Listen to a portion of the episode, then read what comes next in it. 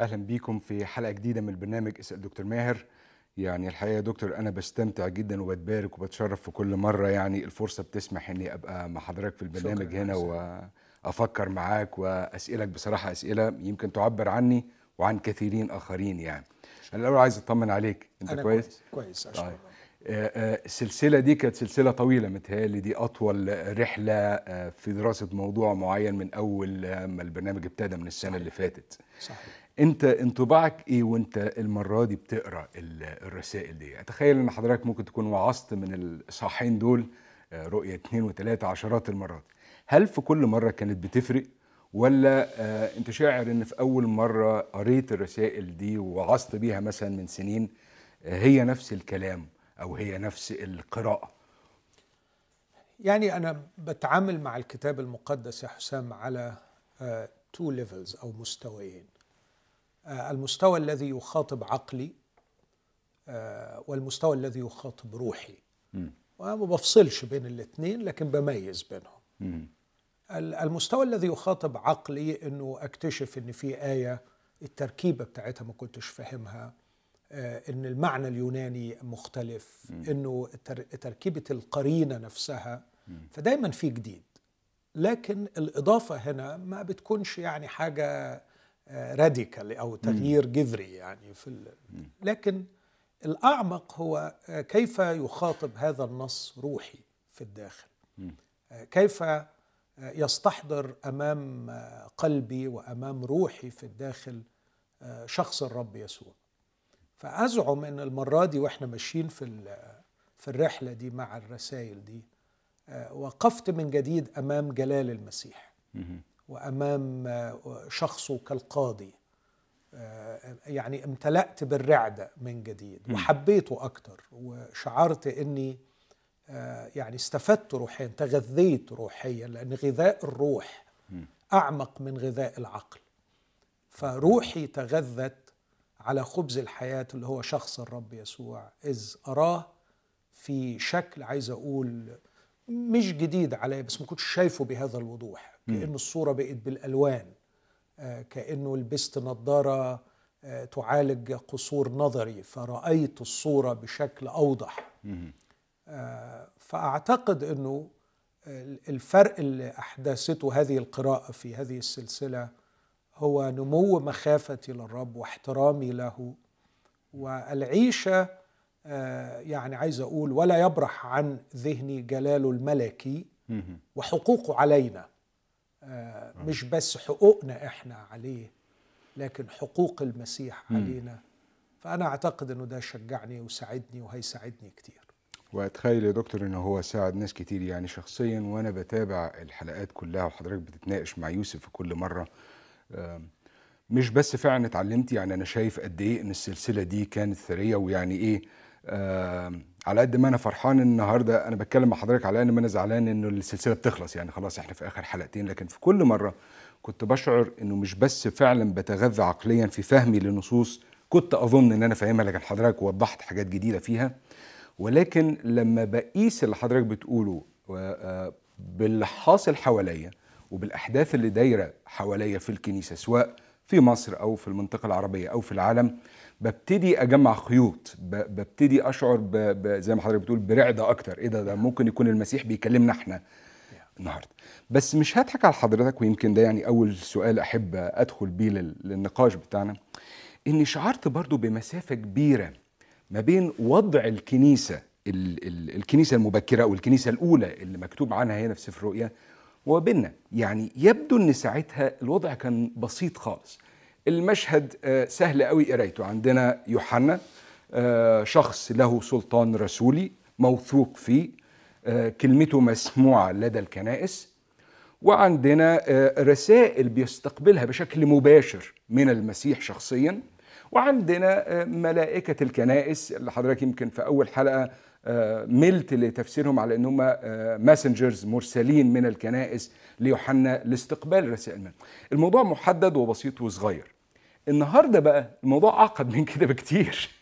يعني مش بس لو في رسالة مبعوثة لمثلا كنيسة مصر ده لو كنيسة آه، مصر الجديدة لو كنيسة شبرا لو كنيسة آه، آه، ايا كان المكان. لا ده إحنا عندنا زخم وألوان كتيرة قوي من الكنائس المحلية والطوائف وال وال وال.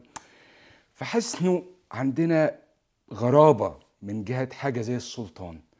يعني إيه سلطان أساسا؟ مين اللي يتمتع بسلطان نثق في الشخص اللي بيتمتع بالسلطان دي ونسمع له. آه، فكرة استقبال رسالة من المسيح. آه، يوحنا في جزيرة بطمس بيستقبل مباشرة. النهارده فكرة الاستقبال دي يعني إيه؟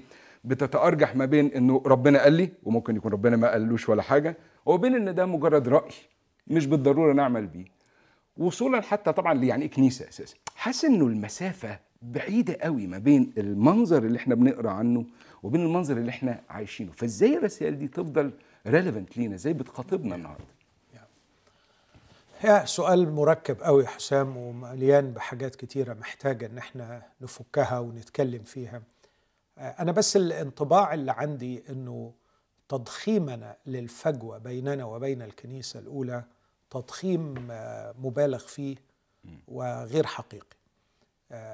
أرى إنه الأمر مختلف. يعني ممكن أعدي معاك على حاجات كتير وأنا اي ثينك إنه أعتقد إني طرحت شيء من الفكرة دي مع يوسف في الحلقة اللي فاتت لما بقول له إن في صورة وهمية أحيانا عن الكنيسة م. الأولى في أذهان الناس. برضو أحب إن أنا اكد على الأمر ده. مثلا لما بنتكلم عن الكنيسة الأولى السلطان الرسولي مثلا بنتخيل كده إنه الدنيا سهلة الدنيا محسومة. انت عندك رسل والرسل عندهم سلطان والرسل دول شافوا الرب يسوع. م. فالواحد فيهم هيقول كلمة والدنيا هتخلص وهيحسم المسائل. وفين إحنا بقى من من الوضع ده في المأساة اللي إحنا فيها اللي كل واحد بيقول زي ما هو عايز والدنيا بتخبط وترزع. فيا سلام لو عندنا الرسل بسلطانهم. أعتقد إن دي فكرة وهمية. لأنه لو أنا قريت لك بعض النصوص عن الرسل هتكتشف إن الموضوع مختلف خالص وإنه استقبال الكنيسة الأولى للرسل آه مش مش اللي في ذهننا. إحنا مش الصورة اللي إحنا رسمينها إحنا رسمين صورة إن الرسول بولس مثلا الحبر الجليل آه اللي يمشي بجلال ويمشي بهيبة ووقار ويقول الكلمة الناس كلها آه تقول آمين. آه أو بطرس الرسول العظيم صاحب العصمة. الكلام ده مش موجود في الكتاب المقدس. خليني أقرأ لك يعني من البدايات خالص بعض الحاجات اللي اللي توصل لك الصورة دي وتوري لك إن إنه الكنيسة الأولى وده اللي هوصل له في النهاية إنه كان الخضوع لكلمة الله أو الخضوع للرب. والنجاح في الحياة الروحية مش معتمد على هذه الهيبة وهذا السلطان الرسولي لكن كان بيعتمد على رغبة حقيقية في قلوب الأتقياء. أن يحبوا الرب يسوع في عدم فساد وأن يعيشوا في طاعة له وهؤلاء لم يحرموا ابدا من قرب الرب يسوع الشخصي ليهم. كما في كل العصور. ففي أيام الكنيسة الأولى واليوم في كنيسة القرن الواحد والعشرين ما سيصنع الفارق في حياة المؤمن هو قد إيه بيحب الرب يسوع في عدم فساد. قد إيه هو بيخضع للرب ولكلمته. هؤلاء الذين ينمون في داخلهم هذه الفضيلة فضيلة الحب الحقيقي للمسيح والاستعداد الكامل لطاعته الرب يسوع قريب جدا من قلوبهم وقريب جدا من أذهانهم ولا يبخل عليهم بالإعلان وراء الإعلان إعلان ذاته كما وعد. الذي يحبني يحفظ وصاياي. طب وبعدين هنعمل إيه بقى؟ وأنا أحبه وأظهر له ذاتي. ذاتي. هذا هو السلطان. السلطان الذي يجعلني من الأعماق أطيع. وليس السلطان الآتي من هيبة قائد تلزمني تقهرني ترعبني تهددني. مش كده خالص. فخليني أوري لك إزاي الصورة الخيالية اللي مرسومة في أذهان الكثير من المؤمنين عن الرسل وعن السلطان الرسولي. أرى لك مثلا بسرعة كده أمر مرور سريع. متى عشرة الرب يسوع بيتكلم عن الرسل في أوائل المرات وعن الاثني عشر بصفة عامة في الإرسالية بتاعتهم وهم رايحين. وعلى فكرة كانوا رايحين بقى مش زي حالاتنا غلابة بنوعظ. ده رايحين يا حبيبي بيطهروا برص بيشفوا مرضى بيقيموا موتى بيخرجوا شياطين والشياطين تخضع لهم.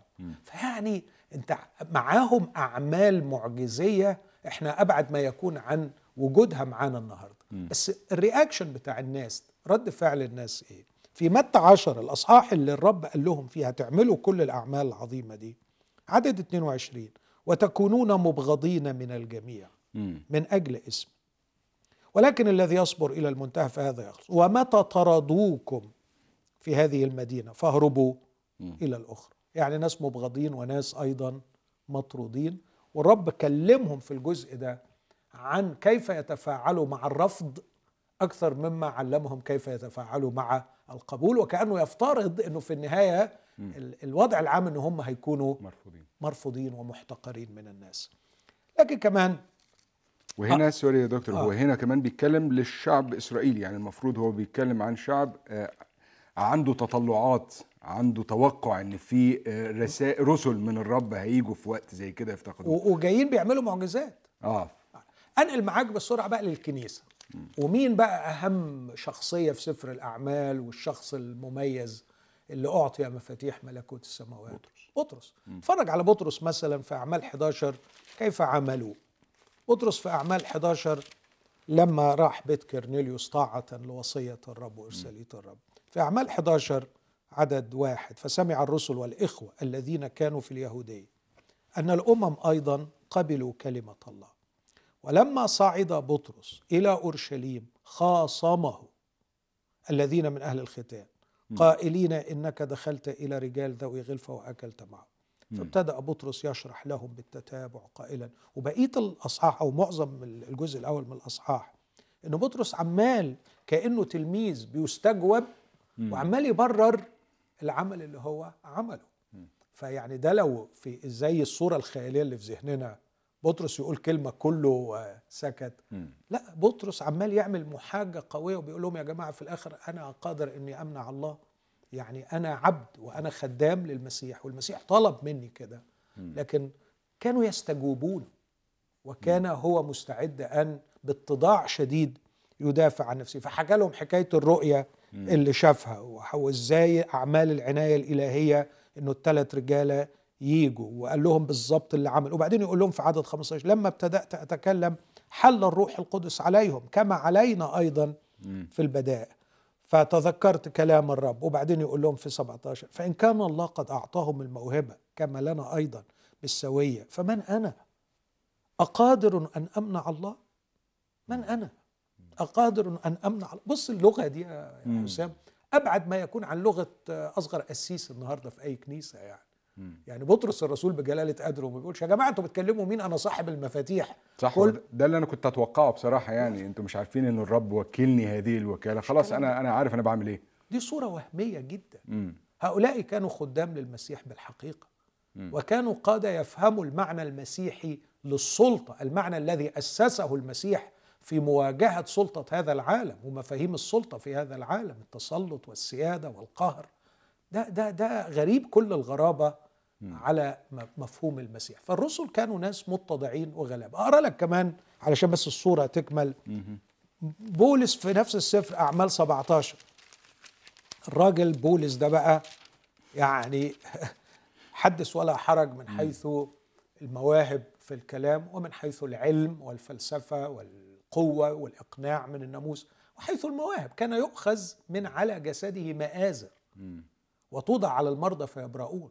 بس لما راح بيرية وعلم كتاب يقول كده عنه في أصحاح 17 عدد 11 يقول إن الناس دول قبلوا الكلمة بكل نشاط فاحصين الكتب كل يوم هل هذه الأمور هكذا؟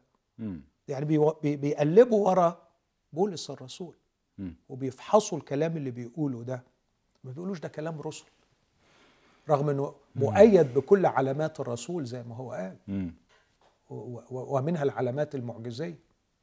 بس الناس مش انبهروا بالعلامات المعجزية فمشوا وراه زي القطيع لكن هات كلامك ده نفحصه عندنا نقطة مرجعية أهم منك. عندنا نقطة مرجعية أقدم منك وأعلى منك يا رسول. النقطة المرجعية هي الكتاب المقدس ففحصوا الكتب بنشاط كل يوم بكل نشاط كل يوم هل هذه الأمور هكذا؟ أرى لك كمان بولس بيقول عن نفسه إيه في الكنيسة ومش كنيسة عادية كنيسة اللي هو أسسها الكنيسة اللي بولس قال لهم يا جماعة يعني لو لو لو كل الرسل يحتاجوا رسائل توصية إليكم أنا ما أحتاجش لأن أنتوا رسالتي أنا اللي مؤسس الكنيسة دي. هو اللي عاملها. بس عايز أوري لك مو- موقف بولس في كنيسة كورنثوس وإزاي كان بيتعامل من الكنيسة دي علشان يعني ننظف أذهاننا من الصور الوهمية عن فكرة السلطان الرسولي اللي كان في الكنيسة الأولى. في كروس تانية عشرة الرسول بي بي بيعاتبهم على اللي بيعملوه والأخطاء اللي عملوها. في عشر عدد واحد يقول لهم ثم أطلب إليكم بوداعة المسيح وحلم. أناشدكم ليس بسلطان الرسول. لكن أناشدكم واضعا أمامكم وداعة المسيح وحلم. أرجوكم فكروا في هذه الوداعة وفي هذه الحلم في هذا الحلم. وتذكروا أن رسل المسيح قوتهم قوتهم تكمن في وداعة المسيح وحلمه وليس قوتهم في سلطتهم وسيطرتهم. تخيل تخيل بولس الرسول صاحب المواهب اللي راح السماء الثالثة.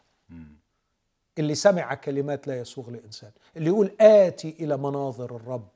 وإعلانات. بولس اللي كاتب تلتين ولا كاتب معظم العهد الجديد. تخيل هذا الرسول عندما يناشد الإخوة يناشدهم بوداعة المسيح وحلمه وبيقول لهم أنا نفسي بولس الذي في الحضره ذليل بينكم. وأما في الغيبة فمتجاسر عليكم. ده لأنه ده السلوجان أو الكلام الشائع عن بولس الرسول في قلب الكنيسة التي هو. أسسها.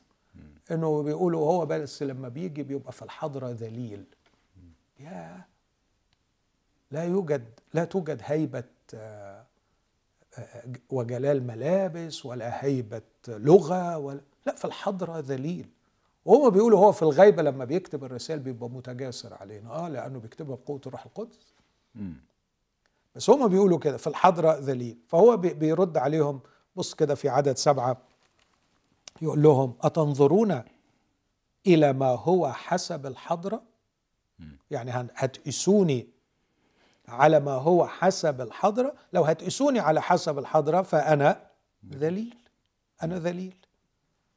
لكن إن وثق أحد بنفسه أنه للمسيح فليحسب هذا أيضا من نفسه. أنه كما هو للمسيح كذلك نحن أيضا للمسيح. لو هتقسني على حسب الحضرة المنظر المظهر فأنا ذليل. لكن لو هتقيمني على حسب الجوهر أنا برجوك بس تقيمني التقييم الآتي. إنه لو حسبت نفسك إنك للمسيح فعلى فكرة أنا أيضا للمسيح. تخيل. ده صورة تانية خالص غير الواحد. يعني يتخيل إن شخص له هذا السلطان أو نوعية الحوار ده مش مش دارجة في ذهن واحد هيدخل فيه واحد له هذا السلطان. حسام ده لو واحد قاري كتابين النهارده. ده لو واحد قاري. كتابين النهارده. بيدي لنفسه سلطان على اخواته المؤمنين. صح. يعني بص بولس بيتكلم إزاي؟ بوداعة المسيح وحلمه. أنا في الحضرة ذليل. لو هتقيمني على حسب الحضرة فأنا أنا مقر إن أنا ذليل. أنا راجل صنايعي وبطلع أشتغل وبكد وأجدح طول الليل علشان أخدم نفسي وأخدم اللي حواليا.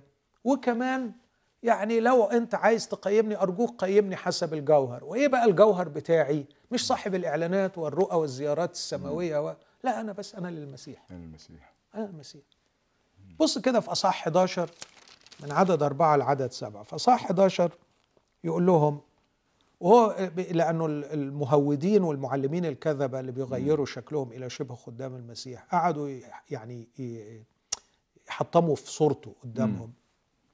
فبقول لهم إن كان الآتي يكرز بيسوع آخر لم نكرز به أو كنتم تأخذون روحا آخر لم تأخذوه أو إنجيلا آخر لم تقبلوه فحسنا كنتم تحتملون. يا جماعة وأنا بشرتكم بإنجيل تاني يعني هي حيثياتي هي مش معجزاتي اللي أنا عملتها ولا تعاليمي الفظيعة. حيثياتي هي أن أنا بشرتكم بيسوع وبالإنجيل وبعدين يقول لأني أحسب أني لم أنقص شيئا عن فائق الرسل. إيه بقى فائق الرسل دي؟ شوية رسل اعتبروا أنفسهم كلمة فائق الرسل بتتفهم أحيانا كده باللغة الشعبية باقي الرسل. لكن هي فائق الرسل الرسل أصحاب القوة الفائقة. super apostles super apost ودول مجموعة كانوا موجودين فعلا. وراحوا قارنوا روحهم ببولس وقالوا أصل بولس في الحضرة ذليل وغلبان كده لأنه مش من ال super apostles. مم. إحنا ال super apostles. لكن بولس ده غلبان. فهو بيقول لهم طب على فكرة ماشي خليهم هم super apostles. بس أنا ما نقصتش حاجة عنهم. طب مش أنا خدمتكم وبشرتكم بالإنجيل؟ وبعدين يقول لهم وإن كنت عاميا في الكلام فلست في العلم.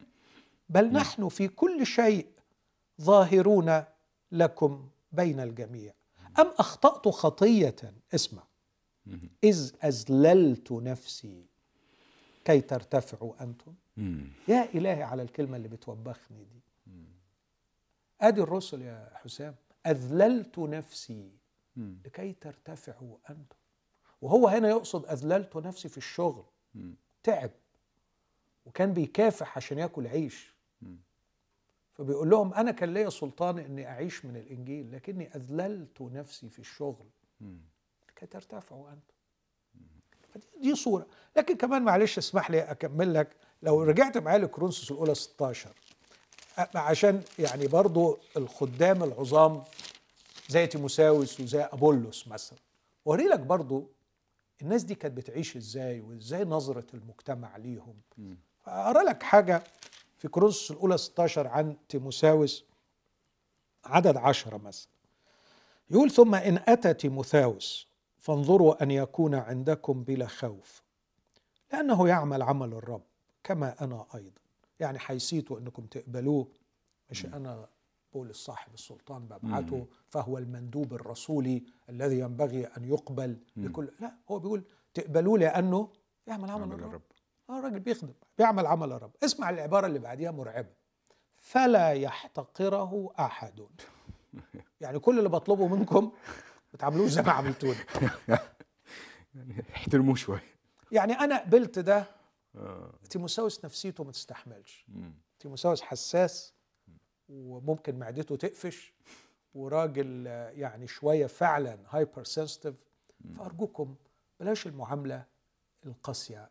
مم. أنتوا احتقرتوني أنا قدرت أستوعبها وقدرت أستحملها لكن تيموساوس ما حدش يحتقر فلا يحتقره أحد بل شيعوه بسلام ليأتي إلي لأني أنتظره مع الإخوة. اسمع بقى اللي جاي. وأما من جهة أبولس الأخ مم. بص الكلمة الجميلة برضه. أبولس الفصيح المقتدر في الكتب راجل سكندري متعلم على أعلى مستوى وفصيح وبليغ في الكلام وكان يفحم ويقنع. لكن وفي شيعة في كورنثوس كاملة قالوا نحن لا بولس لابولس بولس هنا بيوصفه يقول مش جناب الفاضل الورع اللي مش ونحط مجموعة. هو بيقول أبولس الأخ. مم. وبعدين بيقول طلبت إليه كثيرا أن يأتي إليكم مع الإخوة ولم تكن له إرادة البتة أن يأتي الآن. ولكنه سيأتي متى توفق الوقت. إيه اللي تستنتجه من عبارة زي كده؟ هو غالبا يعني خايف يروح أو. أو متردد إن هو يروح لهم متردد يروح لكن أنا ببص لها كمان يا حسام من جانب تاني إن الرسول بولس مش قادر يملي كلام. آه. بيقول أنا طلبت إليه كثيرا طلبت إليه كثيرا يعني أنا توسلت كلمة طلبت هنا توسل. طلبت إليه كثيرا فهو ملوش إنه يأمره يعني. آه بيقول لم تكن له بولس قال له لا مش هروح. مم. وبولس ملهوش سلطان إن هو يقول له روح. مع إن بولس ده اللي في يوم من الأيام سلم شخصا للشيطان لهلاك الجسد. فعنده السلطان الرسولي لكن بص بيتعامل مع أخوه إزاي؟ بيقول ابولس الأخ طلبت إليه كثيرا لم تكن له إرادة البتة. لكنه وعدني سيأتي متى توفق الوقت. دي الروح اللي اللي اللي السلطان الرسولي كان يمارس بها. خليني أختم لك ال- الجزئية دي بأن الرسل فهموا السلطان صح. والكنيسة الأولى إذا كانت تتميز عنا بشيء فهي كانت تتميز بأنها تفهم معنى السلطان الصحيح. وليس بالمفهوم اللي إحنا شايفينه دلوقتي. وهجي لك لحتة علمية ثقافية شوية. هو مفهومنا للسلطان جه إزاي؟ لكن خلينا أقرأ لك ما هو التعليم المؤسس لفكرة السلطة في في الخدمة الكنسية. تعليم المؤسس وضعه الرب يسوع سلبا وإيجابا. في إنجيل مرقس أصحاح عشرة وبصدد حادثة يعني مؤلمة شوية إنه أم ز... أم أولاد زبدي يعقوب ويوحنا راحت له وقالت له عايزة في ملكوتك واحد يقعد عن يمينك واحد عن يسارك. فبرضه مطلب بخصوص السلطة. فالرب علم تعليم بخصوص الكلام ده وختموا بإنه وضع أنا أقدر أقول التعليم المؤسس لل- للقيادة في الكنيسة، التعليم المؤسس لمعنى ومفهوم السلطة من المنظور المسيحي، من منظور المسيح نفسه. والمسيح ليس فقط علم لكن عمل. فالرب يسوع علم عمل وعلم بهذا التعليم. فيقول في نهاية القصة اصح واحد اصح 10 عدد 41 لما سمع العشرة ابتدأوا يغتاظون من أجل يعقوب ويوحنا. فدعاهم يسوع وقال لهم أدي مفهوم السلطة في العالم. أنتم تعلمون أن الذين يحسبون رؤساء الأمم يسودونهم. رئيس يعني يعمل إيه؟ يسود. يسود. هو ده المفهوم. ده الشائع. رئيس قائد يسود. بس يقول لا. لا. السيادة ليست على الإطلاق مرتبطة بالسلطة. أنا هديكم سلطان.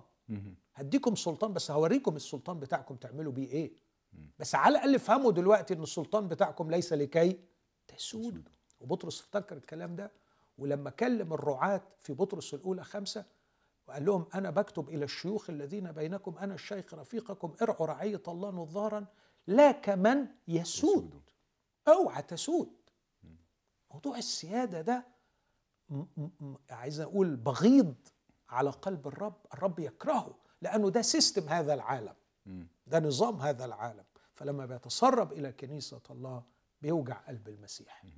فانتم تعلمون أن الذين يحسبون رؤساء الأمم يسودونهم وأن عظماءهم عظماءهم يعني قادتهم كبار القوم بينهم. من هو كبير القوم بينهم؟ يتسلطون عليه. عظماءهم يتسلطون عليه. فالعظيم هو المتقدم. الرئيس هو القائد. يسود ويتسلط. المسيح بيقول لا. ده ما, ده ما ينفعش. فلا يكن فيكم هكذا. لا يكون هكذا فيكم.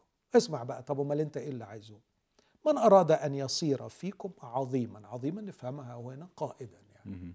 قائدا بيقود شعب الرب وعلى فكرة دي رغبة مباركة إنك تقود شعب الرب.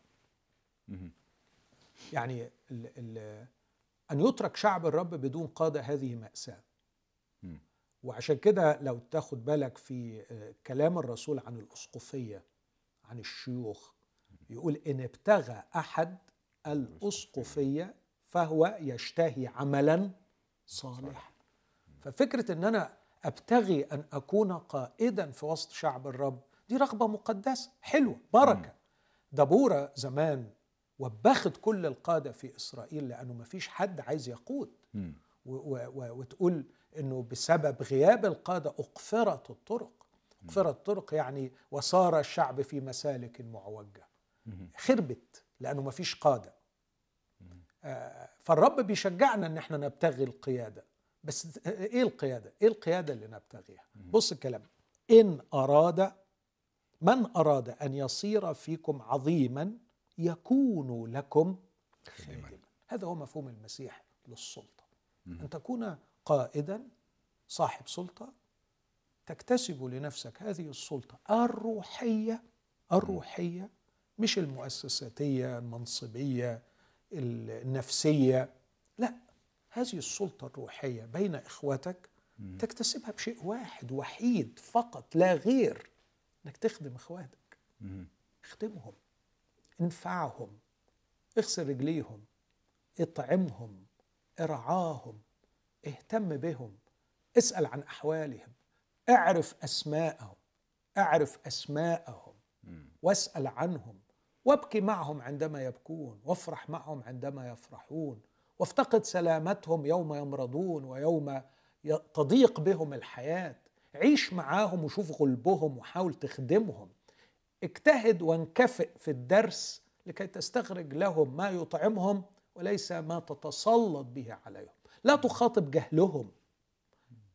باستعراض ما تعلمه أنت لكن خاطب أرواحهم العطشانة إلى خبز الحياة إلى كلمة من الله. اقعد على الكتاب المقدس مش عشان تطلع ما يدعم آه، هويتك الطائفية ويجعلك موقرا ومقدرا بين قبيلتك أو طائفتك لكن انكفئ على كلمة الله لكي تستخرج تعليما وطعاما تنفع به شعب الرب وقطيع الرب المحتاج إليه. بهذه الخدمة تصير قائدا في في شعب الله. من أراد أن يكون عظيما فليكن لكم خادما. ومن أراد أن يصير فيكم اولا يكون للجميع عبدا. صعبة الكلمة دي. طبعا. يعني إيه يكون الجميع عبدا؟ تعرف ببساطة يعني أكيد مش مفهومه إن أنا هبقى عبد عندهم لكن أعطيهم جميعا حقوقا علي. خلاص هو لي حق علي. أنا مديون له. أنا لازم أخدمه. مش أنا مش أنا رغبت أن أكون اولا في شعب الله وأن أخدم الله كقائد بينهم لهم جميعا حقوق علي. وعلي أن أقبل هذا. فلما واحد فيهم يوبخني ولا واحد فيهم يعاتبني ولا واحد فيهم يراجعني ولا حتى واحد فيهم يشتمني أحيانا ليهم حقوق علي. مش أنا اللي اخترت؟ إذا اخترت أن أكون قائدا بين شعب الرب علي أن أكون عبدا للجميع. هذا هو تعليم المسيح. وبعدين على فكرة مش بيعلم دون أن يعمل. يختم الكلمة بالعبارة الجوهرية. لأن ابن الإنسان أيضا النموذج الأمثل والأكمل والأرقى والأسمى للإنسان كما أراده الله ابن الإنسان يسوع المسيح.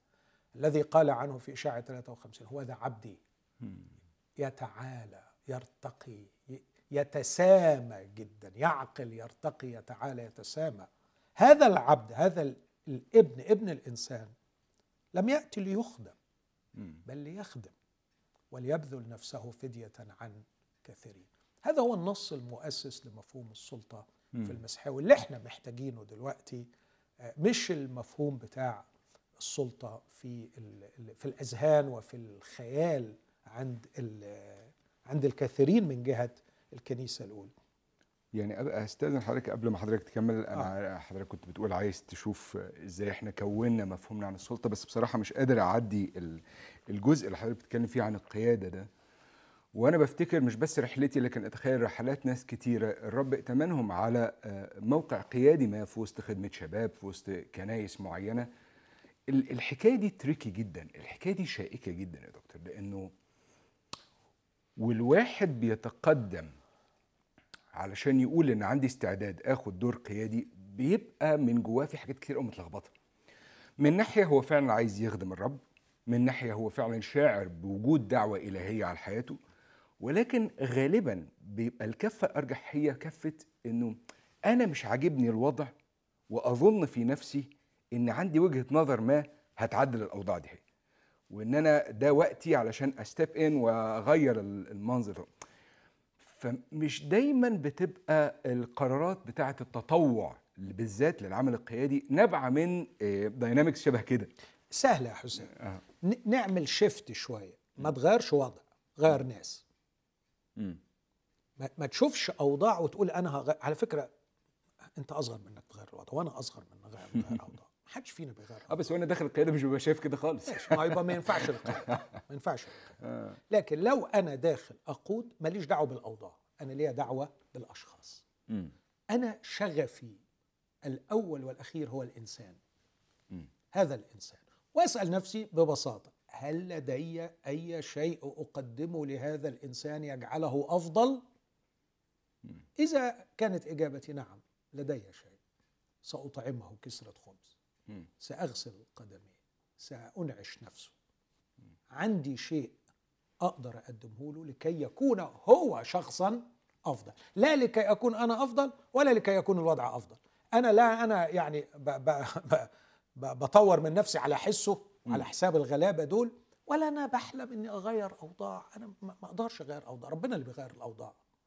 لكن أنا أملك شيئا يجعل هذا الإنسان في هذا الظرف أفضل. هروح أقدمه له. من يعرف أن يعمل حسنا ولا يعمل فذلك خطية له. من رد خاطئا عن طريق ضلاله يستر كثرة من الخطايا ويخلص نفسا من الموت. فأملك شيئا. هروح أقدمه لأخوي. فده اللي ينقذني من فكرة أن أنا يعني أغير أوضاع يعني. يعني فهمت اللي حضرتك بتقوله واتخيل ده فعلا يساعد ناس وهي بت- بتقدم على تطوع العمل القيادي. لكن برضه في مشكلة تانية بلغة سفر الرؤيا بقى بلغة الكنائس السبعة. أحيانا ممكن أتطوع لدور قيادي لأني بشوف آه، نوع من أنواع ال- القضاء الإلهي الواقع على القائد اللي قبليه يعني آه، أنا شايف نفسي على إن أنا تتميم لمشيئة الله اللي بيزحزح بيها منارة الأخ اللي قبليه وابتدي أبص على رحلته الخدمية يعني رحلة فشل ورحلة آه، آه، إفساد لعمل الله يعني بكيفية أو أخرى. وأنا اللي جاي آه، كنوع من أنواع المخلص اللي ربنا بعته بقى علشان يخدم الشعب ده بعد ما اتبهدل لسنين مثلا يعني. ففكرة حتى تسلم القيادة أو نقطة البداية دايما فيها حاجة ملخبطة. وحتى ما بين يعني اتكلم بقى مثلا في دوائر الإنجيلية بالذات يعني الاستلام من قسيس لقسيس آه، آه، من قائد شباب لقائد شباب ع- نادرا ما بتبقى حركة ال ال الانسياب دي مش مش بتبقى انسياب ولا حاجة دي بتبقى عادة انتزاع يعني بتبقى في أزمة كبيرة حصلت في واحد بيروح واحد تاني بي بي بيتجاب مكانه فمش ده ال- اللي أنا بشوفه هنا ولا ولا هو برضو كان موجود هنا؟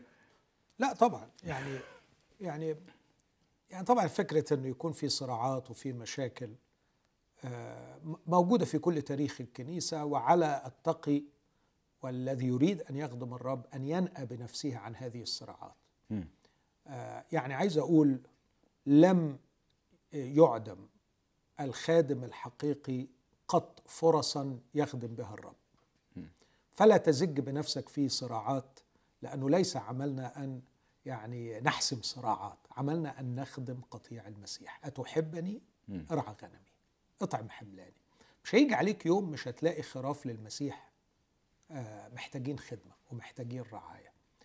آه، فلا تزج بنفسك في في في في الصراعات، الصراعات دي هت- هتفضل طول عمرها لأنه للأسف زي ما هنشوف في حوارنا أنه الكنيسة مش بس بقيت عمل روحي حقيقي آه، ولها جانب مؤسساتي يقوم عليه أشخاص أتقياء يحبون الرب ويديروا النواحي الإدارية لخدمة العمل الروحي لكن بقيت مؤسسة وأقدر أقول أحيانا كتير الكنائس المحلية أصبحت مؤسسة أكثر منها جماعة روحية كيان إلهي له رسالة في هذا المجتمع. فأحيانا الجانب المؤسسي لما بيسود وبيكبر وبيغلب بتبدأ تبقى وظائف وصراعات ومنافسات إلى آخره. فالتقي ينأى بنفسه عن هذه الصراعات.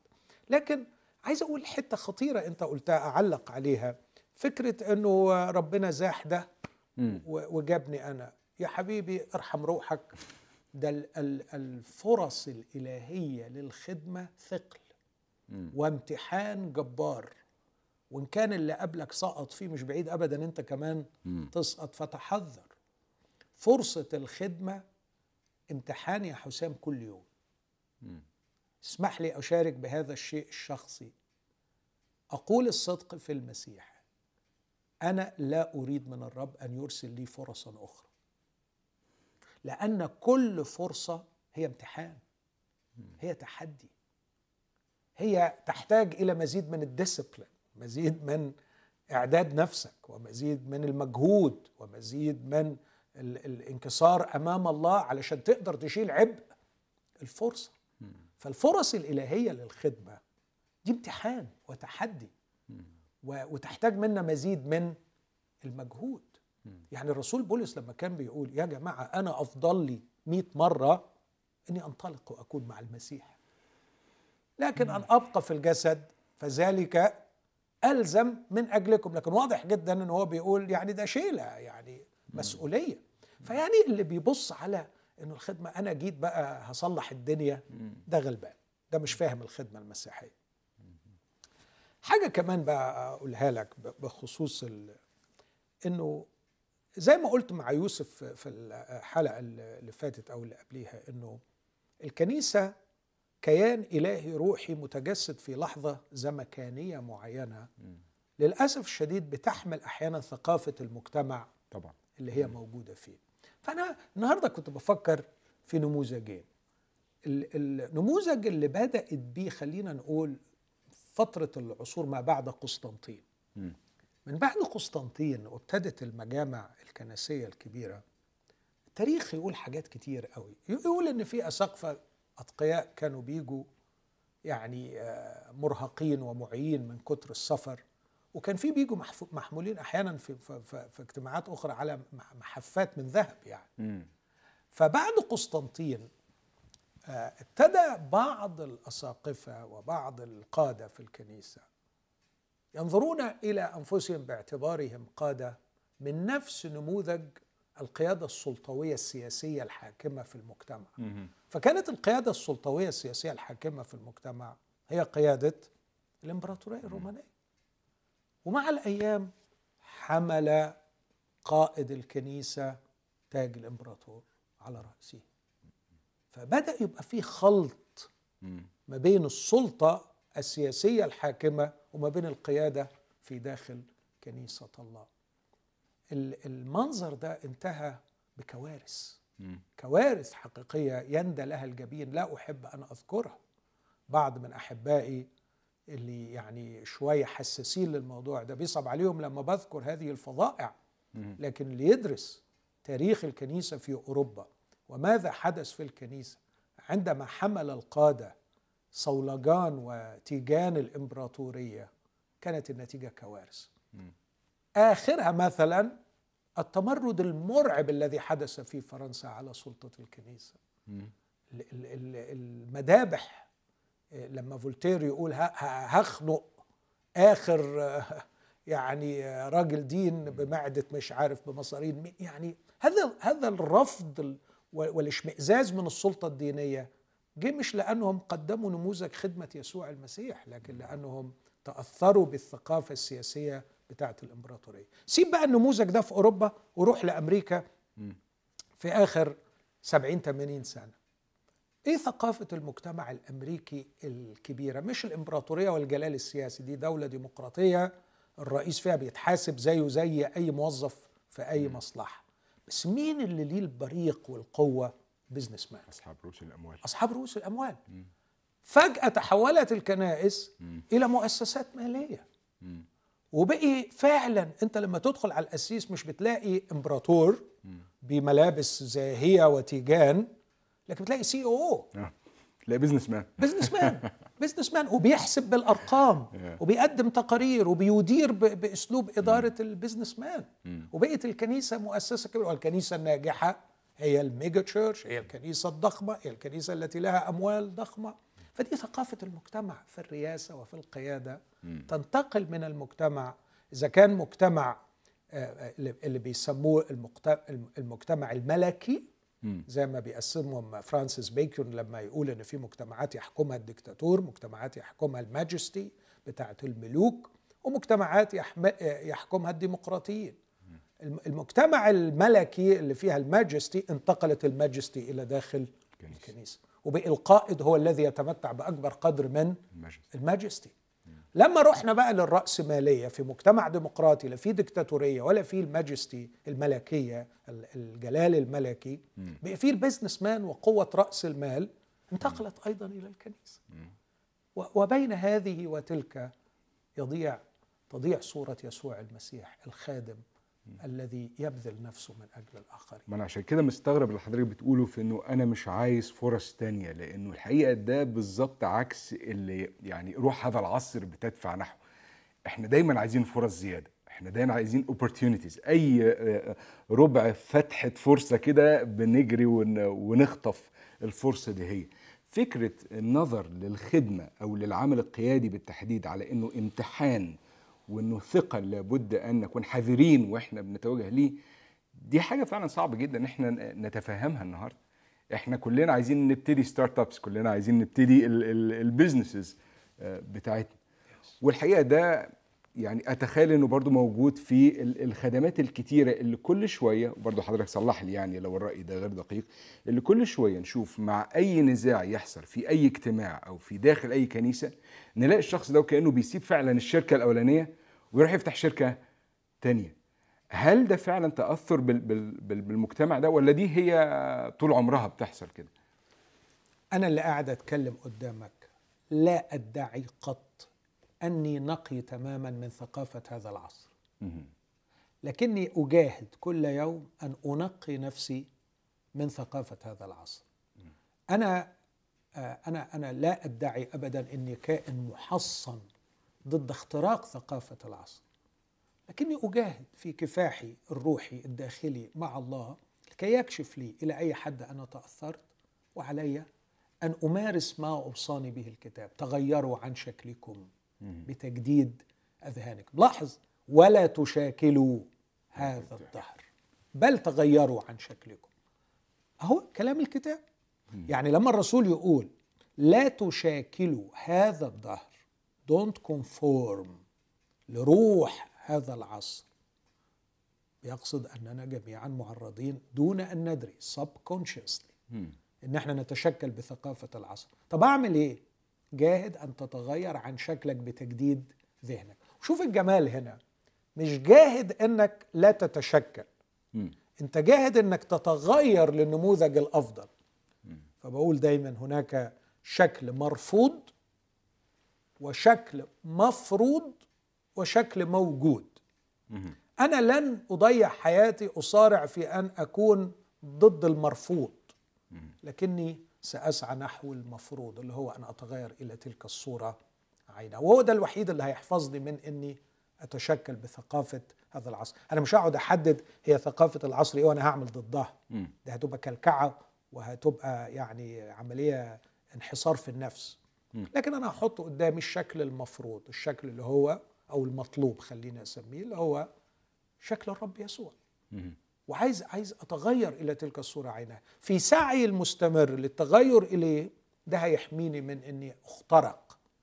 بثقافة العصر أو إني أخضع لثقافة العصر ما هي يعني بصراحة يا دكتور الوزن في الموضوع ده صعب جدا لأنه عادة فعلا بنميل للتأرجح ما بين إن إحنا نكون علشان نبقى ريليفنت ومفهومين لل- للعالم المحيط بينا بنذهب وننخرط بالكامل فيما يقدمه هذا العصر. بنحاول نبقى بنتعلم لغته كويس قوي عشان نقدر نتكلمها فالآخرين حوالينا يسمعونا وبعدين نلاقي نفسنا فجأة يعني إيه آه، آه، زهقنا أو الفساد ملى الكيان فنروح الناحية التانية خالص ننعزل بالكامل ونبقى مش بس مش بنشاكل هذا الظهر مش عايزين نعرفه ومش عايزين نبص في وشه ولا عايزين نبقى بندخل في أي علاقة من النوع دي الوزن ما بين المشكلتين دول صعب جدا.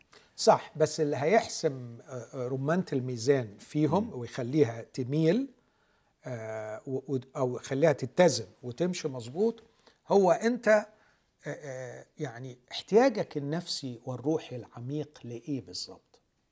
لو احتياجك النفسي والروحي العميق هو للفاليديشن ان أن يصادق عليك وأن تقبل من الناس فأنت غصبا عنك هتسحق بثقافة العصر.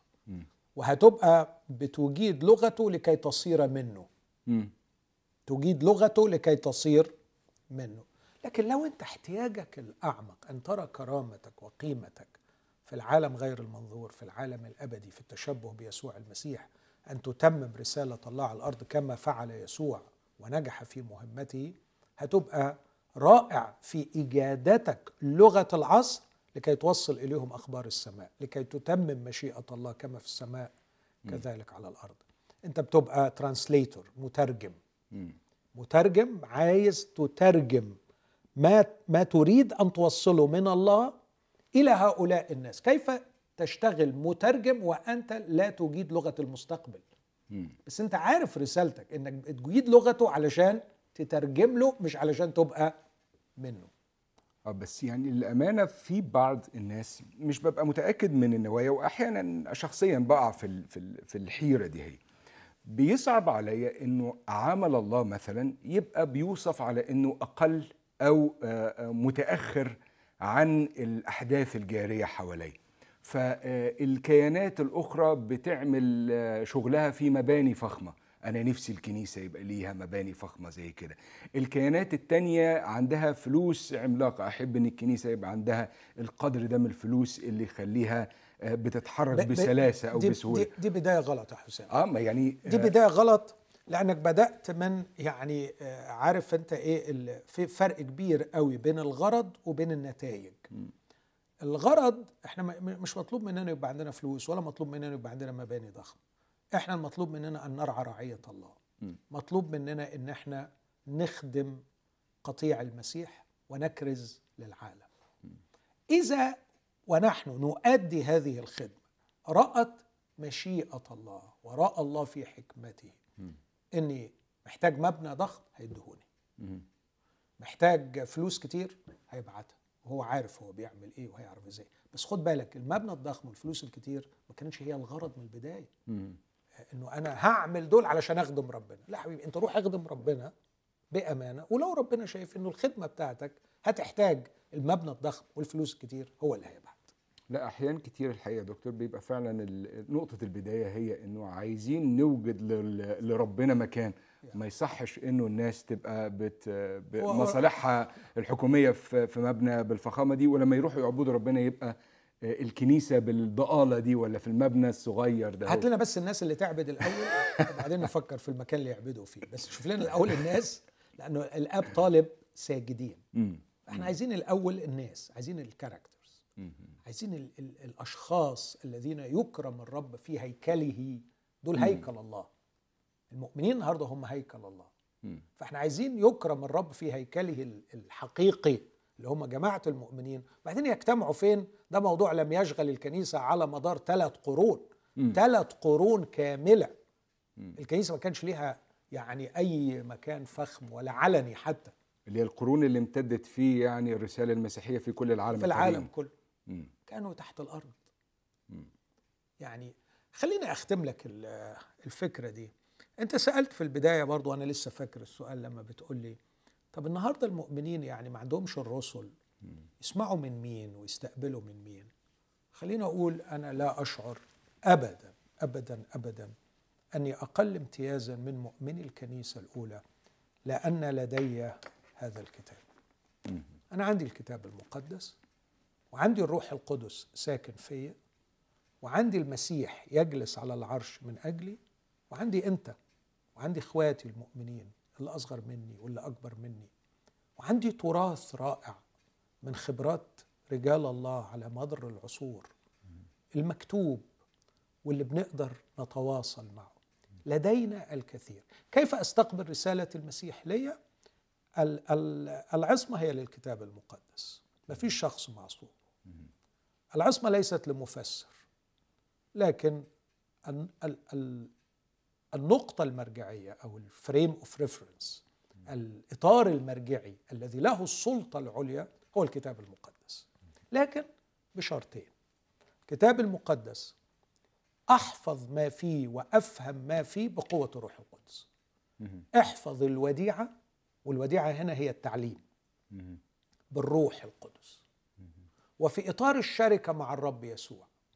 والشرط الثاني مع إخوتك وليس بمفردك الكتاب حدد كده مقترن قلوبكم في المحبة لكل غنى يقين الفهم كل اثنين فلدي الكتاب المقدس ولدي الروح القدس ساكن فيا ولدي المسيح يشرف علي وسأحاول أن أجتهد في فهم هذا الكتاب بقوة الروح القدس وبمعونة إخوتي من حولي. أمين. شكرا جدا يا دكتور. شكراً. وهيبقى لينا لقاء في الحلقة اللي جاية. نحاول نختم السلسلة دي آه، مع بعض. شكرا جدا لمتابعتكم. ونشوفكم الحلقة الجاية من برنامج إسأل دكتور ماهر.